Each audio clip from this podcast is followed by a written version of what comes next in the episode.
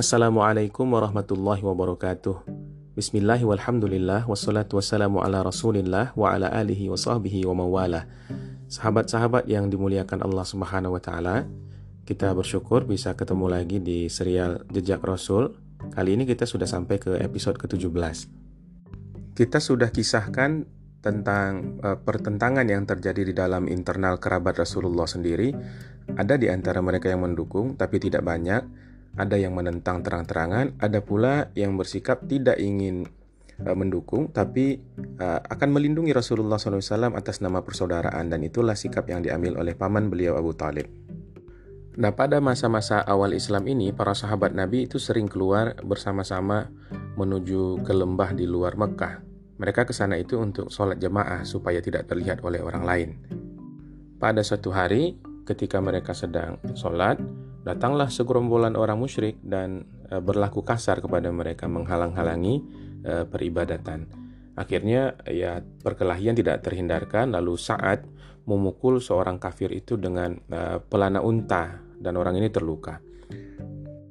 Nabi meredam amarah kaum muslimin ini dan menasihatkan kepada mereka supaya jangan ada kekerasan. Fase awal Islam itu memang sebuah fase yang sangat menghindari konflik, fase menjauhi pertentangan apa pun, fase diam. Karena ini adalah masa-masa penumbuhan.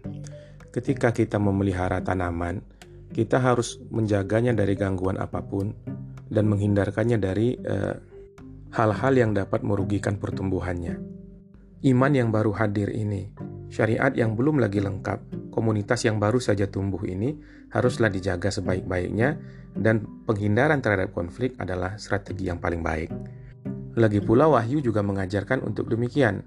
Allah mengatakan wasbir ala ma yakulun wahjurhum hajuran jamila dalam surah Al-Muzammil dan bersabarlah terhadap apa-apa yang mereka ucapkan. Apa pun yang mereka katakan ya diam sajalah dan jauhilah mereka dengan cara yang baik menghindar saja. Senada juga dengan apa yang ada di surah At-Tariq, "Famahilil kafirina amhilhum ruwaida." Berilah tangguh orang-orang kafir itu, amhilhum ruwaida. Kasihlah dia tenggat waktu agak sebentar. Peristiwa perkelahian di lembah itu sebenarnya belum dapat dikatakan sebagai tantangan yang sesungguhnya bagi kaum muslimin pada saat itu. Karena Hal tersebut terjadi natural saja, hanya karena ketidaksukaan sekelompok orang kepada kaum muslimin yang sedang beribadah, lalu terjadilah secara spontan uh, perselisihan itu. Secara umum, uh, masyarakat masih belum lagi mengambil tindakan untuk menindas, mengekang, atau memusuhi secara frontal, uh, maksudnya secara fisik ya, terhadap komunitas kaum muslimin pada saat itu. Cara-cara yang ditempuh itu masih menggunakan pendekatan-pendekatan yang lebih persuasif, maka mereka pun datang menghadap Abu Talib. Tokoh-tokoh Quraisy yang datang kepada Abu Talib itu mengatakan, eh, Hai Abu Talib, engkau ini kan orang yang punya kedudukan tinggi di antara kami. Engkau ini orang terhormat Quraisy. Sudah kami katakan kepada engkau sebelumnya supaya engkau cegahlah keponakanmu itu. Tapi tidak kau lakukan juga. Nah, demi Tuhan kami ini tidak rela nenek moyang kami dihina-hina agamanya, cara kami apa menyembah ini disalah-salahkan, apa berhala-berhala Tuhan-Tuhan kami ini dicaci-caci. Suruhlah dia berhenti. Kalau tidak, kamu pun akan kami perangi juga. Dengan berat hati Abu Talib terpaksa mengirimkan pesan ini kepada keponakannya Muhammad Shallallahu Alaihi Wasallam. Beliau katakan, wahai putra saudaraku, wahai ponakan, Janganlah engkau bebankan kepada pamanmu ini apa yang aku tak sanggup tanggungkan. Hentikanlah ini semua. Maka jawaban Rasulullah pada saat itu adalah yang masyhur kita dengarkan. Wahai paman, demi Allah, seandainya mereka letakkan matahari di tangan kananku, mereka letakkan bulan di tangan kiriku, agar aku mau meninggalkan urusan ini, meninggalkan ajaran agama ini, tak akan kutinggalkan sampai Allah memenangkannya atau aku binasa sekalian oleh para ulama dianggap uh, kata-kata puitis yang sangat legendaris itu uh, daif. Tapi ada hadis-hadis lain yang diriwayatkan oleh Imam Abu Ya'la dan Al-Hakim yang menguatkannya tapi dengan redaksi yang berbeda. Misalnya yang diriwayatkan oleh Abu Ya'la adalah pada saat itu Rasulullah berkata, "Aku tidak sanggup membiarkan hal itu dari kalian walaupun kalian nyalakan mat dari matahari itu sebuah obor obor dari api artinya yang disampaikan oleh Rasulullah Shallallahu Alaihi Wasallam pada saat itu adalah kalimat-kalimat yang menyatakan kesungguhan dan determinasi. Saya tidak akan berhenti untuk melaksanakan misi saya ini. Saya tidak akan ber pernah berhenti untuk menyampaikan risalah dari Allah Subhanahu wa taala ini apa pun yang akan kalian lakukan meskipun kematian saya menjadi harganya. Itulah yang disampaikan oleh Rasulullah. Kejelasan sikap. Melihat sang ponakan memang tidak bisa dicegah lagi, tidak akan pernah bisa dihentikan dan Abu Talib tentu tahu karakter Nabi, maka dia pun berkata, "Wahai anak saudaraku, wahai ponakanku, kalau begini maka pergilah. Katakan apa yang kau sukai. Demi Allah, aku tidak akan pernah menyerahkanmu kepada mereka selama-lamanya." Inilah kecintaan Abu Talib kepada Nabi Muhammad SAW.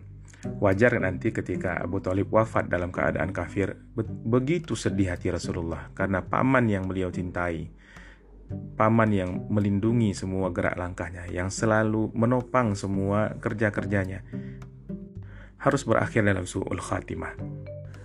Maka pemuka-pemuka Quraisy tadi pun mentok. Jadi ingin diserang juga masih ragu karena Abu Talib itu adalah pemimpin kabilah beliau punya hak untuk memberikan perlindungan dan hak-hak setiap pemimpin kabilah itu begitu dihormati oleh orang-orang uh, Quraisy Makkah pada saat itu. Maka kalau Nabi Muhammad tidak tergapai oleh tangan mereka, mereka pun mulai berencana untuk mengisolir kabilah-kabilah mereka masing-masing dari pengaruh Islam dengan cara menekan anggota kabilahnya saja. Karena kalau anggota kabilah orang kan itu masuk ke pekarangan orang dong. Tapi kalau anggota kabilah kita sendiri yang diberikan pelajaran, disiksa, ditindas, dikucilkan atau apa pun lah diberikan hukuman kepada mereka, maka tidak ada kabilah lain juga yang bisa uh, mencampurinya. Kekhawatiran-kekhawatiran Quraisy ini sebenarnya banyak sebab di antara sebab itu adalah cinta kepada status quo. Orang-orang yang menentang Islam ini bukan orang-orang kecil dan sepanjang sejarah nabi-nabi yang hadir di dunia mereka selalu ditentang oleh orang-orang besar. Kalau orang kecil yang menentang itu nggak jadi masalah, tapi kalau orang-orang hebat, orang-orang yang disebut oleh Allah Subhanahu Wa Taala sebagai al-mala di dalam Al-Quran itu pasti punya efek negatif yang lebih kuat Al-Mala ini ada tiga golongan. Yang pertama adalah sahibus sultah, para pemegang kekuasaan, para pemimpin-pemimpin politik, para raja-raja, para pemimpin kabilah kalau dalam kasus Quraisy ini. Kemudian ada sahibul mal, orang-orang kaya, para konglomerat. Kalau kita lihat kisah Nabi Musa, raja-raja itu ya diwakili oleh uh, Firaun, dan juga stafnya yang namanya Haman. Uh, kalau orang kayanya diwakili oleh Korun. Ada lagi golongan yang lain yang disebut sebagai sahibul jah, orang yang punya pengaruh dan popularitas. Nah, tokoh-tokoh, orang yang punya banyak followers gitu. Mereka inilah sahibul sulta, sahibul mal, sahibul jah adalah kelompok yang uh, merasakan keuntungan dari posisi yang sudah ada pada saat itu. Jadi kondisi yang ada membuat mereka nyaman dengan hidupnya dan mereka enggan berubah. Nah, keengganan menerima perubahan ke arah kebaikan ini adalah penyakit orang-orang yang mapan tersebut. Apalagi saat itu musim haji sudah mau datang. Orang-orang kan akan berziarah ke Makkah. Kalaulah nanti mereka ini mendengarkan Nabi Muhammad SAW dan para pengikutnya uh, mengajarkan ajaran baru ini, nah ada peluang mereka berpaling.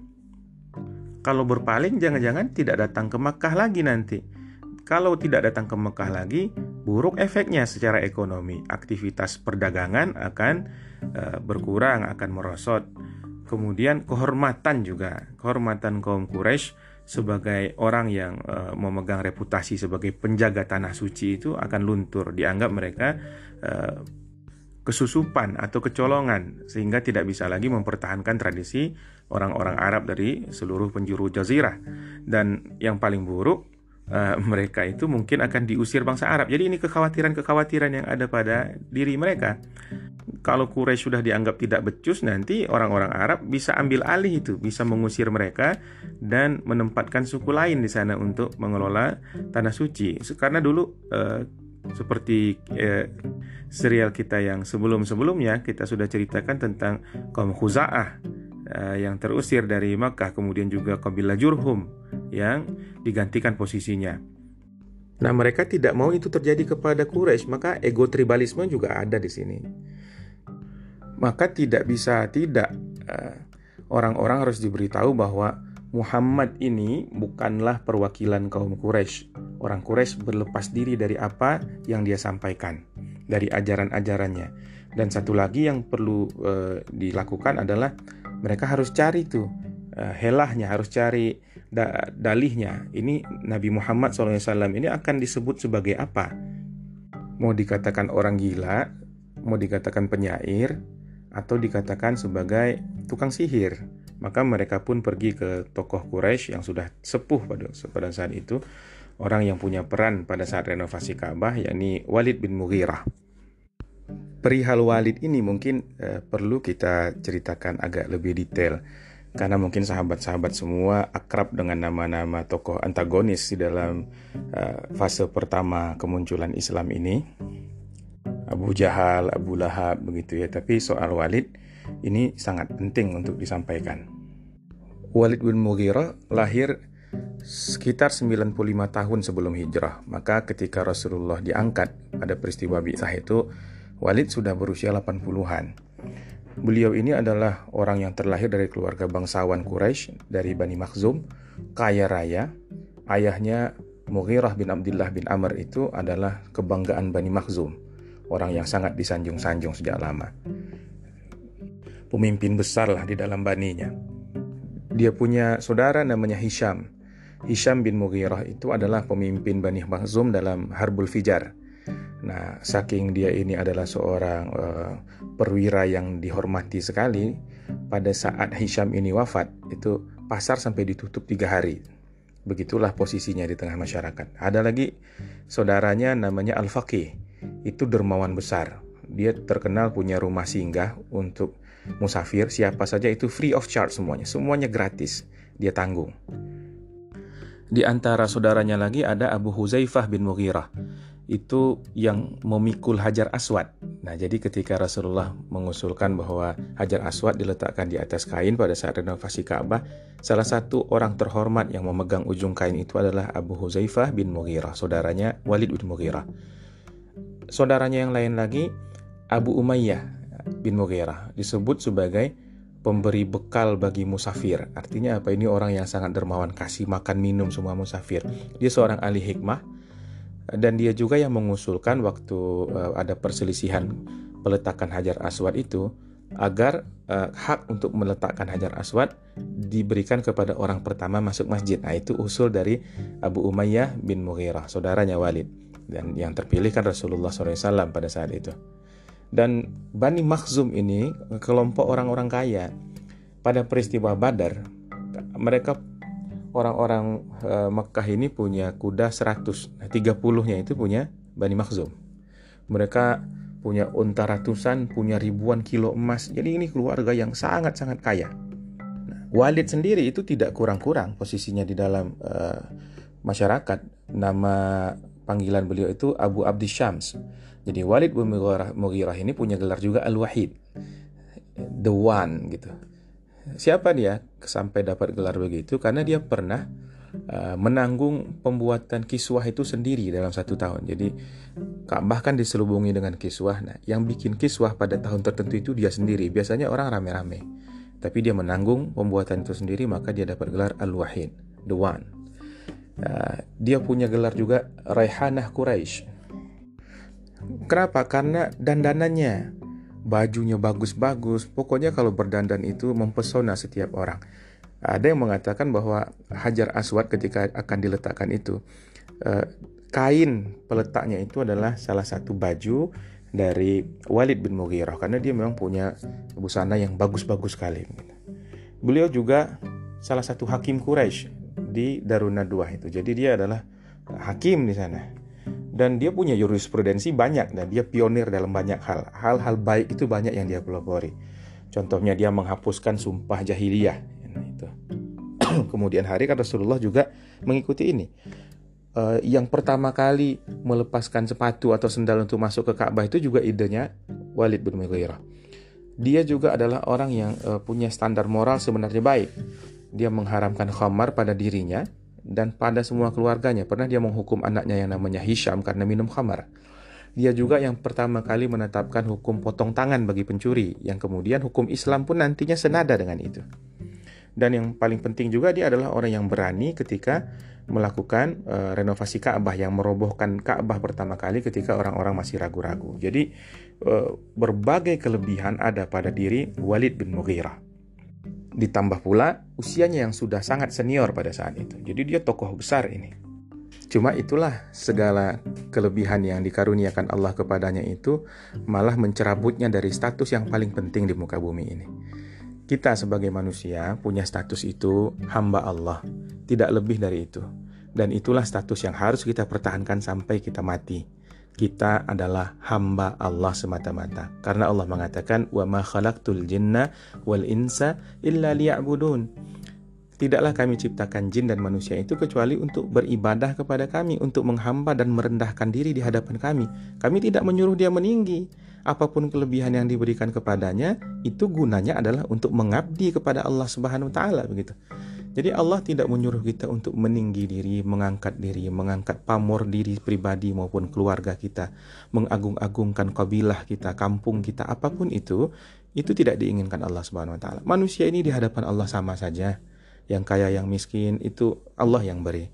Yang hebat, yang dikenal ataupun yang tersembunyi di kalangan manusia itu Allah yang mengatur.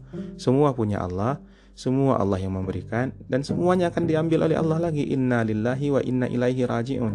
Nah, ujian pada orang-orang besar ini adalah bagaimana dia tetap menghamba diri dan merendahkan diri di muka bumi ini kepada Allah Subhanahu wa taala. Di tengah segala kelebihan yang ada pada dirinya itu dan ini sulit. Banyak yang gagal soal ini. Hati-hati kita amal-amal kita menjadikan kita ria, amal-amal kita menjadikan kita sombong, sebutan-sebutan dan gelaran-gelaran yang diberikan manusia membuat kita berubah orientasi. Tidak Allah lagi yang kita tuju. Walid adalah orang yang terjerumus ke dalam kesombongan itu dengan segala definisinya. Rasulullah memaknai sombong itu sebagai batarul haqqi wa ghumtun nas, menolak kebenaran dan merendahkan manusia lain. Dan semuanya itu ada pada diri Walid dan sayangnya itu karena kelebihan-kelebihannya. Maka para ahli hikmah mengatakan dosa yang mengantarkan kepada taubat dan kesadaran diri itu lebih baik daripada perbuatan-perbuatan mulia ataupun ibadah sekalipun yang mengantarkan orang kepada ria dan kesombongan. Walid memang melakukan banyak hal sepanjang hidupnya, tapi seperti yang disampaikan Allah Subhanahu wa taala di surah Az-Zukhruf Ketika Walid berkumpul bersama para pembesar Quraisy yang lain, ada di situ Abu Jahal, ponakannya sendiri. Ada yang lain-lain. Allah mengatakan, وَقَالُوا لَوْلَا نُزِّلَ هَذَا الْقُرْآنُ عَلَى رَجُلٍ مِنَ الْقَرْيَتَيْنِ عَظِيمٍ Kenapa pula kata mereka Al-Quran atau wahyu itu atau kenabian itu tidak diturunkan kepada seorang yang besar, seorang hebat minal qaryataini azim di apa di antara dua negeri ini, maksudnya Mekah dan Taif. Dia merasa bahwa dia lebih pantas tentunya daripada Muhammad Shallallahu Alaihi Wasallam, kalaupun Allah ingin mengutus Nabi di tanah Arab. Kata Allah, Ahum yaqsimuna rahmat rabbik. Kenapa pula mereka yang harus mengatur-ngatur, membagi-bagi urusan Allah Subhanahu wa taala? Nahnu qasamna bainahum ma'isyatahum fil hayatid dunya kami justru yang berhak membagi-bagi, sedangkan rezeki mereka di dunia saja, kami kok yang mengkotak-kotakkannya, kata Allah Subhanahu wa taala. Jadi janganlah kita mengatur Tuhan, Allah yang mengatur kita, bukan kita yang harus mengatur-ngatur urusannya. Orang-orang Quraisy ini pun datang kepada Walid, "Wahai tuan, apa yang harus kita katakan kepada Muhammad ini? Disebut dukunkah? Disebut gilakah? Disebut penyairkah? Disebut tukang sihirkah?" Mana dari ini yang bisa mempengaruhi orang-orang agar jangan sampai didengar orang dakwahnya? Ini sebentar lagi musim haji. Walid dengan kecerdasan dan rasionalitasnya itu mengatakan semuanya itu nggak benar. Dibilang dukun, Muhammad bukan dukun. Kalau gila jelas akalnya sehat, dia orang cerdas. Kalau dibilang penyair, Muhammad tidak pernah bersyair dan tidak punya uh, bakat ke arah sana, tidak pernah dia menunjukkan syair apa pun di tengah-tengah kita ini. Perkataannya fasih, kata-katanya enak didengar, tapi pasti dia bukan penyair. Kalau tukang sihir, ya ini juga bukan sihir. Tapi kemudian dia cari-cari, helah, oh begini nih. Kan banyak orang-orang yang jadi pecah dengan urusan keluarganya. Jadi ada suami yang berkonflik dengan istrinya gara-gara satu masuk Islam satu nggak mau ada anak yang berpecah dengan ayahnya ada kaum kerabat yang saling tidak uh, enak satu sama lain karena sebagian di antara mereka jadi pengikut Nabi Muhammad SAW dan sebagian lainnya itu menolak. Jadi ada permusuhan keluarga. Nah ini nih sama. Ini ada irisannya sama tukang sihir. Kalau begitu uh, karena dia punya kekuatan yang mampu memisahkan anak dari ayahnya atau dari saudaranya atau seseorang dari istrinya dan dari keluarganya nah dia ini nih kira-kira arah-arahnya itu mirip-mirip ke tukang sihir deh kata uh, Walid bin Mughirah maka orang-orang Quraisy pun bilang ah betul itu wahai Walid kalau begitu nanti kita akan sebar orang-orang untuk jaga di setiap pintu masuk Ka'bah atau pintu masuk Makkah ini untuk memberitahu kepada kafilah-kafilah yang akan datang untuk berhaji ini bahwa kalau ada namanya Muhammad jangan dengerin dia tukang sihir. Ada orang-orang seperti Abu Jahal yang mungkin akan kita ceritakan uh, pada episode berikutnya yang dia itu eksekutor lapangan, kasar, jahat, kemudian uh, menggunakan kekerasan, menggunakan serangan-serangan verbal yang mematikan kepada Rasulullah SAW, menggunakan kuasanya kepada orang-orang tertentu untuk menekan dan menindas. Ini adalah orang jahat dalam bentuk yang umum kita temukan. Tapi yang dilakukan oleh Walid bin Mughirah ini tidak kalah bahayanya. Dia memberikan satu landasan pikir, mencarikan dalil, menghimpun landasan-landasan, membuat orang-orang merasa mempunyai sandaran dan landasan ilmiah ataupun rasional untuk menentang kebaikan. Ini sangat-sangat berbahaya. Inilah syubhat yang bisa merusakkan hidup orang-orang, yang menyerang iktikad seseorang menyerang pemahaman seseorang. Dan dosa intelektual semacam ini adalah dosa yang tidak kalah besarnya daripada dosa-dosa yang dilakukan lewat perbuatan-perbuatan. Maka Ibnu Abbas mengatakan, tak kurang dari 104 tempat di dalam Al-Quran itu yang mencela Walid bin Mughirah. Banyak, banyak sekali. Memang tak seperti Abu Lahab yang disebutkan langsung namanya dalam Al-Quran. Tapi ayat tentang Abu Lahab ya cuma itu. Tapi Allah, Tuhan pencipta semesta alam ini yang berkuasa pada tiap apa pun yang ada di muka bumi dan di langit ini yang menggenggam semua jiwa-jiwa manusia itu mengecam Walid bin Mughirah atas dosa intelektualnya itu dalam tempat yang begitu banyak di dalam Al-Quran. Dalam surah Mudathir, Allah mengatakan, Biarkanlah aku bertindak terhadap orang yang aku ciptakan sendiri. Zarni wa man khalaqtu wahida وجعلت له مالا ممدودا وبدين شهودا ومهدت له تمهيدا ثم يطمع أن أزيد كلا إنه كان لآياتنا عنيدا Aku sudah jadikan baginya harta benda yang banyak, anak-anak yang selalu ada bersama dia. Sudah kulapangkan rezeki dan kekuasaannya dengan selapang-lapangnya. Dia masih ingin aku menambahnya, maka sekali-sekali tidak akan aku tambah karena sesungguhnya dia sudah menentang inat kepada ayat-ayat kami. Bukannya akan ditambah kata Allah, Sa'urhiquhu su'uda. Malah aku akan bebani dia dengan pendakian yang memayahkan. Kenapa? Karena yang dilakukan oleh Walid tadi yang kita sebut sebagai kejahatan intelektual itu adalah innahu fakkara wa qaddar. Dia telah memikirkan dan menetapkan dia sudah menggunakan akalnya yang dikaruniakan oleh Allah Subhanahu wa taala sebagai akal yang cerdas itu untuk memikirkan hakikat Nabi Muhammad sallallahu alaihi wasallam. Lalu dia temukan bahwa nabi itu orang yang benar. Tapi apa? Fakutila kaifa qaddar. Celakalah dia bagaimana dia menetapkan. Summa kutila kaifa qaddar. Celakalah dia bagaimana dia menetapkan.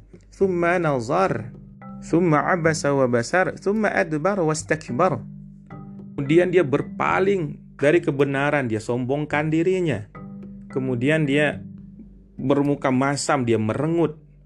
Kemudian dia apa? membangga diri. Faqala in hada illa sihru yu'thar. Lalu dia bisa-bisanya mengatakan eh, bahwa Al-Quran ini tidak lain hanyalah sihir yang dipelajari. In hada illa qaulul bashar. Ini pastilah perkataan manusia saja. Maka kata Allah, Sa'uslihi sakar. Orang itu akan aku masukkan ke dalam neraka sakar. Maka sahabat-sahabat, pengkhianatan terhadap ilmu itu ngeri. Nah, kalau kita tahu kebenaran tapi kita tutup-tutupi dan kita tolak bahkan kita lakukan rekayasa tertentu sehingga orang-orang juga ikut menolaknya dengan dalih-dalih yang seolah-olah ilmiah yang kita cari-carikan pembenarannya, dosanya akan seperti Walid bin Mughirah. Di antara ayat-ayat lain yang juga berbicara tentang orang ini adalah di surah Al-Qalam. Allah Subhanahu wa taala mengatakan, "Fala tuti'al mukadzibin." Janganlah engkau ikuti orang-orang yang mendustakan ayat Allah itu. Waddu lau tudhinu fayudhinun. Mereka inginkan engkau bersikap lemah, lalu mereka pun akan melunak pula. Ayat-ayat ini Allah sampaikan setelah sebelumnya Allah memuji Rasulullah wa innaka la'ala khuluqin azim bahwa sesungguhnya engkau wahai nabi adalah orang yang punya akhlak yang sangat mulia. Nah, sebelumnya lagi Allah mengatakan ma anta bi ni'mati rabbika bimajnun. Uh, engkau itu pastinya bukan orang gila atas kualifikasi akal yang demik eh, akhlak yang demikian agung itu makanya Allah mengatakan inna rabbaka huwa a'lamu biman biman dhalla an sabilih wa huwa a'lamu bil muhtadin. Allah Maha tahu mana orang-orang sesat mana orang-orang yang mendapat petunjuk. Engkau nabi orang yang berakhlak tinggi mendapat petunjuk. Yang sesat itu siapa? Si Walid bin Mughirah ini. Siapa dia? Maka Allah sematkan kepadanya sifat-sifat yang ada sembilan sifat semuanya tercela Allah mengatakan wala tuti' kulla halafim mahin. Jangan ikuti halaf. Halaf itu orang yang banyak bersumpah. Kenapa orang banyak bersumpah? Karena nggak jujur. Nah, sumpah itu untuk mentakib, untuk menguatkan ketidakjujurannya itu. Orang nggak percaya, tapi dia membuat orang percaya dengan cara bersumpah-sumpah begitu, menutupi kebohongan dan menarik perhatian serta kepercayaan orang. Kemudian mahin, hina, hina karena dia sendiri tidak menghormati dirinya dan manusia pun dibuat tidak akan percaya lagi kepada dia karena meskipun dia orang kaya, anak banyak berkedudukan, itu tidak ada relevansinya dengan kemuliaan karena kehinaan itu adalah sifat jiwa yang melekat pada seseorang. Para diktator, para tiran itu kurang apa? Semuanya itu hina. Jadi, kemuliaan dan kehinaan itu adalah sesuatu yang melekat di dalam jiwa ada orang-orang yang tidak memiliki apa pun, tapi jiwanya itulah yang mulia. Maka orang-orang seperti ini tanpa embel-embel apa pun akan tetap mulia di mata Allah Subhanahu wa taala dan di mata manusia. Walid adalah orang hina. Hammazim masya'im binamim. Yang ketiga itu hammaz, banyak mencela, suka caci-caci orang, suka apa mencaci manusia itu baik dengan perkataan langsung maupun dengan isyarat, baik di hadapan orang yang bersangkutan maupun di belakangnya moralitas seperti ini ini bertentangan dengan muruah, kehormatan, keperwiraan, kesatriaan, bertentangan juga dengan kesopanan pergaulan. Jadi ini Hamaz banyak mencela. Kemudian Hamazim masya'im binamim. Ke sana kembali menghambur namimah, menghamburkan fitnah-fitnah. Ke sana merusak hati orang pergi ke tempat lain memutuskan hubungan orang, pergi ke tempat lain lagi membicarakan hal yang bisa mengangkat dan menghilangkan kasih sayang antar manusia. Ini akhlak tercela, padahal kita itu disuruh mendamaikan manusia, menyatukan hati orang. Sedangkan uh, Walid ini disifatkan wasya'im bin namim, ke sana kemari menebar fitnah. Kemudian Allah katakan manna'il lil khairi mu'tadin athim. Manna'il lil khair artinya enggan berbuat baik enggan berbuat baik, tidak mau berat hati terhadap dirinya sendiri maupun kepada orang lain. Nah, apa lagi yang lebih baik daripada menerima iman? Iman itu sentral dan pangkal segala kebaikan. Dan dia juga tidak ingin kebaikan ada pada orang lain. Uh, masyhur kabar bahwa Walid bin Mughirah ini pernah berkata kepada anak-anaknya, kalau kalian ikut agama Muhammad, maka kalian tidak akan dapat sesuatu apa pun, bahkan waris pun tidak. Maka ini kan membatasi orang dari kebebasan orang untuk memilih kebenaran kan. Makanya Allah mengatakan mena'ilil khair. Kemudian mu'tadin melampaui batas. Melampaui batas kebenaran dan keadilan secara mutlak. Dia juga melampaui batas terhadap sikapnya kepada Nabi dan kaum muslimin. Dia melampaui batas dengan mengekang orang-orang untuk tidak boleh mengikuti kebenaran. Melampaui batas itu adalah sifat yang uh, sangat dilarang di dalam agama kita. Nah, bahasa lain dari mu'tadin itu musrif. Atau togo seperti firman Allah Subhanahu wa taala makanlah uh, di antara rezeki-rezeki yang baik yang sudah kami berikan kepadamu surat Toha itu walatat fi dan janganlah berlebihan jangan melampaui batas. Uh, karena keadilan dan keseimbangan itu adalah uh, satu hal yang sangat dijunjung di dalam Islam itu adalah karakter Islam yang asasi Ketujuh, asim. Nah, menail lil khairi mu'tadin asim. Asim itu banyak dosa. Uh, suka melakukan maksiat saking banyaknya sehingga dia bisa pantas mendapatkan predikat sebagai asim. Tidak kira jenis dosa apa. Perkataan ini seolah-olah sudah mengecap bahwa Walid bin Mughirah ini adalah memang pelaku dosa. Dan kemudian utulin ba'da dzalika zanim. Utul kaku, kasar. Selain kaku, dia juga kasar. Kalau dihimpunkan eh, sifat-sifat uh, seperti uh, rakus terhadap harta benda, rakus terhadap makanan dan minuman, keras watak, suka menusuk sampai dalam, sangat bakhil dan segala hal itu. Nah, kata Said Kutub misalnya, itu kata utul menggambarkan satu pribadi yang lebih dari itu semua gitu. Jadi keras dan kasarnya itu sangat-sangat berlebihan. Gak enak untuk diajak bergaul. Nah, yang kesembilan itu zanim. Zanim itu maknanya terkenal jahat. Nah, tapi kata zanim juga mengandung uh, makna orang yang keturunannya itu nggak jelas. Keturunannya itu uh, nasabnya itu nasab yang diduga-duga saja, artinya tidak jelas jalur nasabnya. Setelah mendengar ayat ini, Walid bin Mughirah menemui ibunya yang masih hidup. Dia katakan kepada ibunya itu, e, Aku disifati oleh Muhammad dengan sembilan sifat. Semuanya aku mengerti kecuali satu, Zanim. Sekarang kau ceritakan kepadaku yang sebenarnya atau engkau akan saya penggal. Begitu cara dia bicara kepada ibunya. Maka perempuan yang sudah sangat tua itu uh, berkata dengan takut kepada anaknya, sebenarnya memang engkau bukan anak Mughirah karena ayahmu saat itu menderita impotensi, maka aku takut kehilangan harta benda. Maka aku pun berzina dengan seorang penggembala dan lahirlah engkau. Nah ternyata dia ini anak zina. Dia bukanlah putra Mughirah, maka dikatakan dia zanim. Inilah mukjizat Al-Quran yang mengungkapkan satu rahasia yang bertahun-tahun, berpuluh tahun bahkan tidak diketahui oleh Walid bin Mughirah tentang dirinya sendiri. Maka karena dia bersikap buruk kepada Rasulullah SAW, uh, aib sosialnya ini pun diungkap oleh Allah Subhanahu Wa Taala bahwa dia adalah anak hasil zina. Maka tidak bosan-bosan saya ingatkan kepada sahabat-sahabat sekalian pelihara pelihara kehormatan Allah dan orang-orang yang dicintai Allah Subhanahu Wa Taala. Dalam satu hadis qudsi Rasul menyampaikan bahwa Allah berfirman man adali waliyan man adali waliyan faqad adantuhu bil harb. Barang siapa yang memusuhi orang yang aku sayangi, wali-waliku, Kata Allah, maka aku akan perangi dia. Aku umumkan kepadanya perang. Bagaimana kita mau menghadapi Allah Subhanahu wa taala?